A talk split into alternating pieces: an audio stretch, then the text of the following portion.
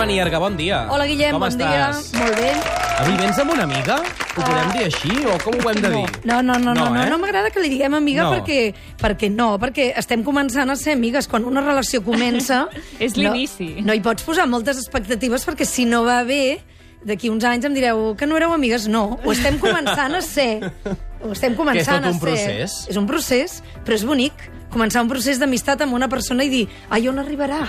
Qui sap si un dia ens anirem a Nova York juntes o a Menorca, Ah. que és l'illa de, del, del seu avi.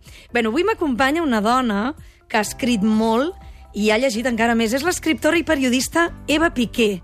L'Eva és una defensora de la cultura com a refugi, com a flotador. I creu tant que fins i tot es va animar nedant a contracorrent a crear un mitjà digital de cultura. Ara molts oients diran ah, el 14. Sí, estic parlant del 14, que ha rebut el Premi Nacional de Cultura i això és el que deia l'Eva Piqué en el moment de recollir el guardó. Un amic poeta diu que és més important la cultura que la llibertat, perquè sense cultura no hi ha llibertat i, en canvi, sense llibertat podem seguir tenint cultura. No li falta raó, però no puc deixar de pensar que ara i aquí tenim gent de pau a les presons. S'estan trepitjant drets fonamentals i no podem callar ni ens hi podem acostumar. El mal sempre prospera amb la complicitat dels qui miren cap a una altra banda. I em sembla que els qui encara tenim veu hem de denunciar la injustícia des de tots els altaveus possibles. Moltes gràcies per aquest Premi Nacional i intentarem fer-nos-en dignes. Eva Piqué, bon dia. Hola, molt bon dia. Com estàs? Bé. És veritat que alguna amiga, és veritat que alguna amiga t'ha criticat per pujar a l'escenari a recollir el premi amb el teu bolso blanc penjat? Penjat. Igual que vas ara en aquesta entrevista Sí, a no Catalunya m'ha Ràdio? El d'ara és blau, El d'ara eh? és blau. Uh, de, deu ser greu, no, això? De Perquè t'ho han dit, t'ho han dit diverses sí, persones, m'ho han dit. no? A veure, no sé, jo havia de portar les quatre paraules que vaig dir, les havia de dur a algun lloc, i duia un vestit que no portava butxaques. Com tu fas? O fan roba de I dona amb butxaques? I a la mà? No, perquè abans havia d'agafar el guardó, que pesava molt, mm. -hmm. i havia, no sé, havíem de fer unes passes amb el Roger Torrent, el president del Parlament, que és qui, qui me'l va donar, i no, de veritat que em faltaven mans, i, i no, a mi no em va semblar tan greu això del bolso. No, però no sí, és greu, no es és greu. És anecdòtic i ja saps que a la ràdio ens agrada a vegades comentar aquests fets anecdòtics, sobretot perquè l'Eva farà tota l'entrevista amb el bolso aquí encreuat, eh, que ho sàpiguen. Perdó, perdó, però la ràdio s'ho no, es veu. La No, no ràdio, ens crec que el protocol gens, de la no ràdio... Eva, sentíem aquestes paraules tan emocionants, tan sentides, tan reivindicatives. Eh, imagino que en aquests mesos de tensió política, d'amics empresonats, a tu la cultura t'ha servit de refugi? Bé, en aquests mesos i sempre, no? O sigui, la cultura jo crec que això sempre serveix una mica de refugi, d'abric, és el que ens protegeix de... una mica, tampoc fa miracles, però una mica de, de la intempèrie moral, que és un concepte que, que m'he copiat o m'ha regalat el meu amic poeta, que és en Joan Margarit, que és un amic poeta mm -hmm. molt savi. Això, quan la vida et fa mal, quan, quan, sí, quan la vida et fa mal i tard o d'hora la vida sempre et fa mal, les úniques coses, o almenys les, que, les coses que a mi um, he trobat que em poden consolar, doncs què són? La literatura, la poesia, la música, l'art... Són eines que, que ens ajuden una mica doncs, això, a afrontar aquesta intempèrie, no? Que, mm. que, ens, que ens, sí, que ens abriguen. Però s'ha de ser molt valenta. Mira, aquesta secció, Eva, eh, li diem gent valenta, eh, Guillem? Sí. I la Eva, quan va fer aquest discurs, tu vas dir que impulsar la creació de 14, un, un, una revista digital de cultura, té una barreja de gosadia i inconsciència. Llavors, ell va haver creat aquesta revista. Com et defineix a tu? Com a més valenta o com a més inconscient? Ah, valenta, no ho sé, i no, no sóc pas jo qui ho ha de dir, no? Però inconscient segur que sí, seguríssim. Mm -hmm. Perquè, clar, vaig decidir, ara fa quatre anys i mig, muntar uh, un mitjà de comunicació en plena crisi del periodisme i dels mitjans de comunicació. Uh, un mitjà digital que ningú sap encara ben bé com, com, es, com, com es monetaritza, és a dir, quin és el pla de negoci dels mitjans digitals. Un mitjà de cultura, també en plena crisi del sector, que estava molt desanimat, mm -hmm. i uh, un mitjà en català. És a dir, eren, són uns quants hàndicaps, crec que en porto quatre, i algú més em va dir que un cinquè hàndicap era que la directora, la, la fundadora, vaja jo, era una dona. En aquest algú jo no me'l vaig voler creure, perquè vaig pensar, bé, això espero que no sigui un hàndicap, però bé, que no era fàcil. Uh, però també ho vaig fer una mica per supervivència, eh? perquè m'havia allò que es diu ara de reinventar i ho volia fer I d'aquesta manera. recomanem a tots els oients que hi entrin, que entrin a 14, que trobaran aquesta mena d'abric, no? Quan hi ha un hivern molt llarg i no en pots fugir, doncs t'abrigues amb cançons, amb versos o amb paraules.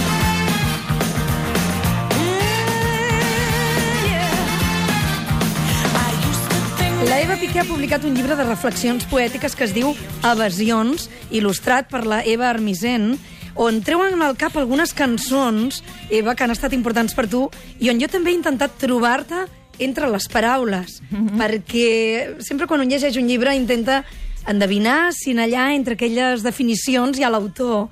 Tu et defineixes com una introvertida de manual, amb fòbia social diagnosticada i domesticada, Sí, perquè arriba un moment a la vida que ja ho aprens a, a conviure amb el que tens, i has, no? domesticat, has domesticat la fòbia social. Una mica, jo crec que sí. Però vaja, la tinc, eh? La tinc. Jo, amb més de... Amb, amb, amb una persona parlo molt, no callo, de fet. I a partir de 3 o 4 ja m'inhibeixo i no, no I si aquest res. matí haguessis pogut no venir a l'entrevista, millor. Molt millor, t'ho asseguro. Però estàs aquí. sí, m'heu ben enredat. Uh, la Eva és mare de quatre fills. Eva, uh, també en aquest llibre reflexiones sobre el concepte del nosaltres. Digue'ls-hi al Guillem i a la Xènia, com afecta a la teva identitat individual ser mare de quatre fills? Dic ells que són tan joves. Ja. que no tenim I que no fills. tenim I que no tenim fills. A veure, jo com que això que dèiem, com que sóc introver- introvertida i em costa conèixer gent, jo crec que una mica, a vegades penso, vaig anar fent personetes per tenir algú amb qui parlar, perquè així no, no havia de conèixer gent nova, no? No, a veure, i ara, amb, amb menys conya, jo, una de les coses que em passa és que jo crec que eh, quan tens fills, o sigui, a mi tenir tants fills, o Déu-n'hi-do, diguéssim, perquè sobre mi no, no és que m'agradin especialment els nens, això ho diré en veu baixa, però és ben veritat. Uh, sí que m'ha servit per treure'm una mica de pressió, uh, per treure'm com un pes de sobre, és a dir, jo no sé si sabré donar prou sentit a la meva vida, que és una cosa que m'angoixa una mica, però penso, mira, almenys has fet quatre personetes que estaran com contentes d'haver nascut, i per tant ja no cal que jo...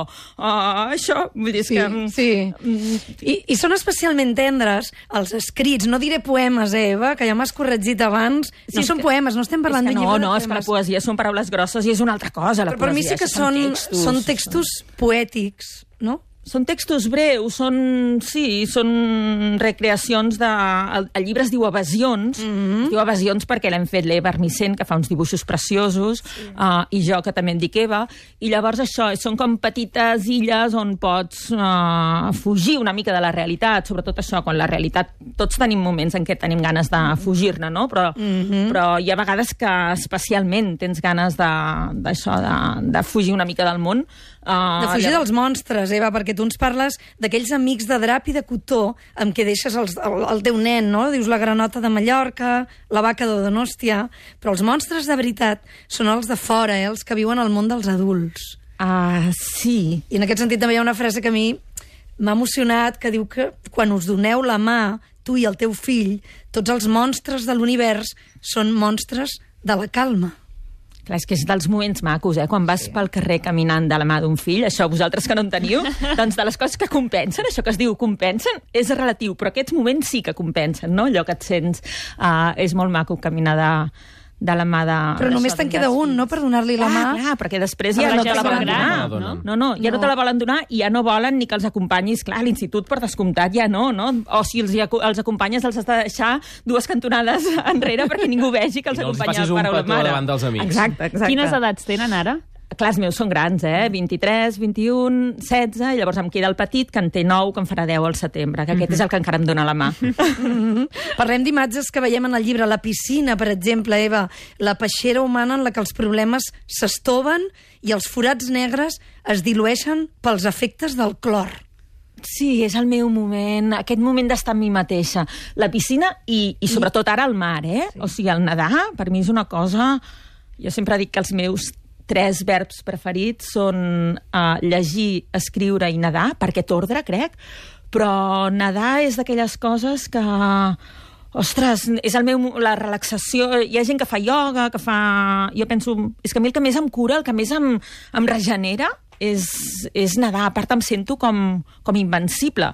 Mm, falsament, eh? Perquè al mar hi ha perills, diguéssim. El meu pare, quan m'acompanya a la platja, pateix molt perquè veu que me'n vaig molt lluny i diu, aquesta no tornarà. Però em sento amb permís de les meduses, que em fan molta por, uh, em sento allò que no em pot passar res, mm -hmm. no? Et sents com especialment viu quan estàs Amb aquella sensació que t'hi podries quedar, no? Totalment, totalment. podries quedar allà al fons. No, m'encanta. Jo crec que és de les coses, això, en què vius més intensament i que jo m'ho passo molt, molt, molt bé. Doncs en aquest llibre, Evasions, els oients hi trobaran reflexions com, com què sent l'Eva Piqué quan, quan neda al mar, aquell idili que té ell amb el mar, però també alguna cosa que a mi m'ha fet riure, com és el corte inglès, perquè eh, eh, no, heu tingut l'encert de- d'il·lustrar a l'Eva Armisen la pàgina dedicada al corte inglès, els ensenyo a la Xènia i al Guillem amb aquella mena de banderetes verdes i Típica, negres. sí que s'identifica que és el del Corte Inglés. Sí, sí. Que ho era abans, jo no sé si encara ho Sí, és. sí, sí, encara ho és, no? sí, sí. Però hem de confessar, Eva, que a la nostra edat encara estem esquivant la planta de senyores perquè ens agrada més anar a la de jovenil, jovenilla. Clar, és Quan que- no és la nostra planta, Eva, no podem seguir anant a jovenil, jovenilla. Per què no? Per què no, Guillem? Perquè tinc 52 anys i em toca anar a la planta de senyores. Que cadascú vagi on vulgui. Gràcies. No, però és que, a, a veure, jo ara fa, fa temps que no hi entro, eh, al Corte Inglés, però de petita els meus pares m'apracaven allà, que hi havia com una mena de quiosc a la planta baixa, que jo recordo que vaig llegir tot de llibres allà mentre ells anaven a no sé què. Uh, però a mi em sorprenia que la meva mare, que era molt més jove del que, del que sóc jo ara, Uh, ella a la planta de senyores, per descomptat, no hi anava perquè no era pas la seva, no? I jo pensava, però clar, si és una senyora, clarament. Uh, després m'he vist a mi mateixa fent exactament el mateix, no? Dient, home, què he de fer jo a la planta de senyores quan mm -hmm. se suposa que tu i jo, Gemma, som la mar de joves. La mar de no? joves. Però clar, t'asseguro que aquest parell que tenim aquí ens veuen com dues senyores. Quan marxem eh? diran, diran han Hombre. vingut dues senyores a parlar no sé què del corte inglés. No. Eva, de política no en vull parlar gaire, perquè ja en parlem prou a totes les hores del dia, però sí que vull recordar que tu vas entrar en política molt breument, Eva. Eh, anaves a la llista d'Esquerra Republicana l'any 2012 i, de fet, t'hi vas estar un parell de mesos. Mm, De fet, només van ser quatre, eh? Quatre mesos. Bueno, perquè van ser dos, el, perquè abans... A veure, a mi em van proposar d'anar com a independent a les llistes mm -hmm. d'Esquerra. Uh, que llavors, no sé, uh, jo crec que em vaig equivocar dient que sí, però pensa, si tota la vida defenses que la societat civil s'ha de mullar i, i en el moment en què et venen a buscar tens com la sensació que no pots ni dir que no, no? Llavors, em van proposar, vaig dir que sí, Uh, durant dos mesos, primer, encara no es va ni constituir el Parlament, perquè és allò que passa que van estar discutint, que al final van fer una cosa que crec que en van dir pacte d'estabilitat, i després sí, llavors vaig entrar al Parlament i vaig estar-hi dos mesos més. Vull dir que en total van ser gaire, Quatre gairebé mesos. cinc mesos. I llavors uh, vaig entendre, després d'aquest uh, d'aquests quatre mesos, que, que un diputat independent, que era el que era jo, uh, té com ben poc a fer al Parlament, perquè resulta que tens vot però no tens veu, i això, hosti, llavors em va deprimir molt, eh? perquè jo sóc com una persona d'acció, de, que em cal fer coses, em cal dir-hi la meva. Uh, no sé, i em, em sembla que no he vingut gaire al món a catar les decisions aquestes que venen de dalt, de les cúpules i això. I, a veure, jo crec que si mai tinguéssim la independència, i si no també, una de les coses que, que segurament caldria canviar és la dinàmica de funcionament dels partits i fins i tot del Parlament, no? Uh, no sé, jo, jo llavors vaig pensar que, que no volia interferir negativament en el procés i, per tant, vaig dir que potser algun dia explicaria el perquè de la meva decisió i crec que encara no ha arribat aquest dia, eh? Jo no estic aquí, però crec que... Bueno, una mica l'estàs explicant ara, dient, no?, aquesta sensació de tenir vot, però no tenir veu. No, et- no et deixaven, no et deixaven... Clar, jo vaig passar de, jo vaig passar de pensar, ostres, no sé si sabré aportar prou coses, a pensar, a, a, constatar que realment no volien que jo aportés coses. I llavors és, és un... Realment a mi em va, em va angoixar molt, això.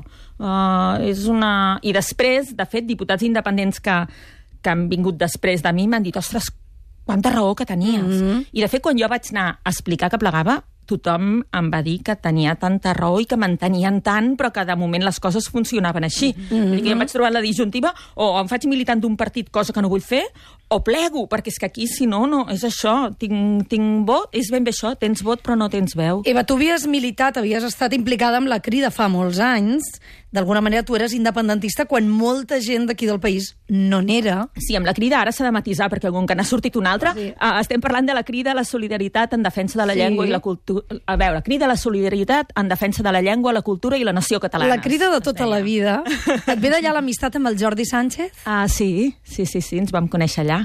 De fet, ell també va conèixer allà la Susana, que és la seva dona. Sí, sí, clar, la crida va ser una mica com el meu esplai, perquè jo, a l'institut, o sigui, això, als 15 anys, dels 15 als 20 anys, el, sí, mm, la meva, la meva educació política, emocional, perquè, clar, el primer nòvio també ve d'allà i moltes coses, doncs va ser la crida a la solidaritat. Clar, entenem aquelles paraules que vas dir quan recollies el Premi Nacional de Cultura amb el bolso penjat, aquelles paraules tan sentides, jo deia tan de veritat, eh, dient que és una injustícia que hi hagi gent empresonada. És que aquestes persones, eh, alguns d'ells són amics teus. Eh, el Jordi Sánchez, vas anar a l'escola amb el Raül Romeva, Exacte, sí. ets amiga amb la Marta Rovira. Sí, amb la, amb la Marta ens vam fer amigues després del meu pas aquest per la política, eh? perquè llavors jo no la veia, perquè ella sí que treballava i molt, perquè era secretària general del partit, era portaveu del grup parlamentari, però després, al cap d'uns mesos, quan jo hi havia plegat, em va demanar si, la, si, si li volia fer un llibre, si volia ajudar-la a fer un llibre per explicar a la gent qui era la Marta Rovira, llavors sí que vaig tenir l'oportu- l'oportunitat de conèixer-la i, i de conèixer la seva gent, i sí, ens vam fer molt amigues, llavors. Confies que surtin de la presó ben aviat, Eva? Ja no sé si puc confiar o no, perquè, perquè com que el món s'ha tornat boig, el que passa que és tan bèstia i tan greu i tan injust que hi hagi això, tot de gent de pau eh, tancada a la presó, acusades de delictes que no han comès, és que és com molt Com surrealista. està el Jordi? Com està el Jordi Sánchez? Mira, ell em va dir que estava... A veure, ell està fort perquè, perquè ho és i això, i em va dir que una de les coses que li sap més greu és que, en el fons, la presó la veiem pitjor des de fora que des de dintre. Mm. O sigui, que la seva gent, els seus fills, la seva dona, pateixen molt perquè ens ho imaginem pitjor del que realment és. És gravíssim, clar, perquè no tens llibertat, però, en el fons, com que la gent ens acabem acostumant a tot, perquè això també és veritat, doncs la seva rutina es veu que no és tan no és tan bèstia com ens podem imaginar nosaltres, no? Però, però clar, és que estan, és que estan tancats, és que, estan, és que els estan robant dies de la seva vida i la vida és molt curta, ostres, i és que és molt injust, és, és brutal. Avui estem parlant amb la Eva Piqué aquí a Catalunya Ràdio i, i voldria acabar amb una amb cançó, amb música, perquè també en aquest llibre la Eva ens parla de la seva closca particular, que és el teu Clio blau, on t'hi tanques i cantes molt sovint, t'imagino fins i tot cridant, no?, cantant aquestes cançons. Jo tantes te feia la galleta quan dius tu podries ser Com Oh, el meu. senyoro, les que eh? Cantes de- Antònia Font, el senyoro molt, molt. Sí, ets de les que cantes deixant-hi la pell, Eva? Ah, canto quan no hi ha testimonis, eh? Que sóc molt dolenta, eh? A la dutxa no, també? No. Què? A la dutxa a la dutxa també, a la dutxa també. De fet, un dels textos parlo d'un de, d'un dia en què canto a la dutxa, sí, sí, sí. Però això, que no em senti ningú, perquè ara fa poc m'he plantejat d'apuntar-me a una coral i no goso perquè t'han de fer una prova de veu abans i dic, és que no m'hi voldran. Però sí, segur que cantes molt bé, Eva. Segur que no, eh? Jo, que, jo juraria que no. No ens però cantaràs m'encanta. ara, eh? però- No, no, no, no, no, Però, això sí que no. Per intentar-ho no hi perd res, Eva. A la coral? A la coral. Mm, Potser sí, ja veurem. Eva Piqué, jo et vull desitjar que trobis unes mans traçudes que et facin un jersei blau fet a mida. Que maco, és que és de... Oi, posar-te un jersei uh, que t'abriguis d'aquelles coses que quan, no sé, quan necessites aquest abric o quan necessites una abraçada. I, I això ho vaig escriure un dia que em vaig trobar desitjant això, em vaig trobar, m'encantaria... De fet, li vaig demanar a la meva mare. La meva mare fa anys, feia mitja, i li vaig dir, tu no em faries un jersei? Va dir, ui, Eva, fa... demana'm una altra cosa. Em va dir, demana'm una altra cosa, que jo fa molt que no em faig de mitja i, i no en sé. Però vaig pensar, i algú que et faci un jersei pensant en tu, quina imatge mm. més maca, no? Sí, sí, sí, que sí. després sigui un jersei que te'l poses i que t'abrigui, doncs, i això... Doncs tant de bo trobis aquestes mans traçudes que te'l facin. Moltíssimes Potser m'apuntaré a un curs. I te, te l'intentaré fer jo. Seria bonic. Doncs Gemma recomanem als oients, deixa'm Guillem Sí. que els digui que sobretot eh, avui mateix vagin a comprar aquest llibre, Evasions, perquè ens ajuda a evadir-nos i com diu l'Eva, qui és l'estúpid que vol tocar de peus a terra quan pots volar? Volem. Volem, eh? Volem volar. Gemma Vinga, Nierga. gràcies. Eva Piqué, moltes gràcies per ser-hi. A Nosaltres vosaltres. anem a cantar ara, amb el Lluís Gavaldà. Ui, doncs jo marxo corrents. D'aquí dos minuts, Lluís Gavaldà al suplement. Gràcies, Gemma Nierga i Eva Piqué.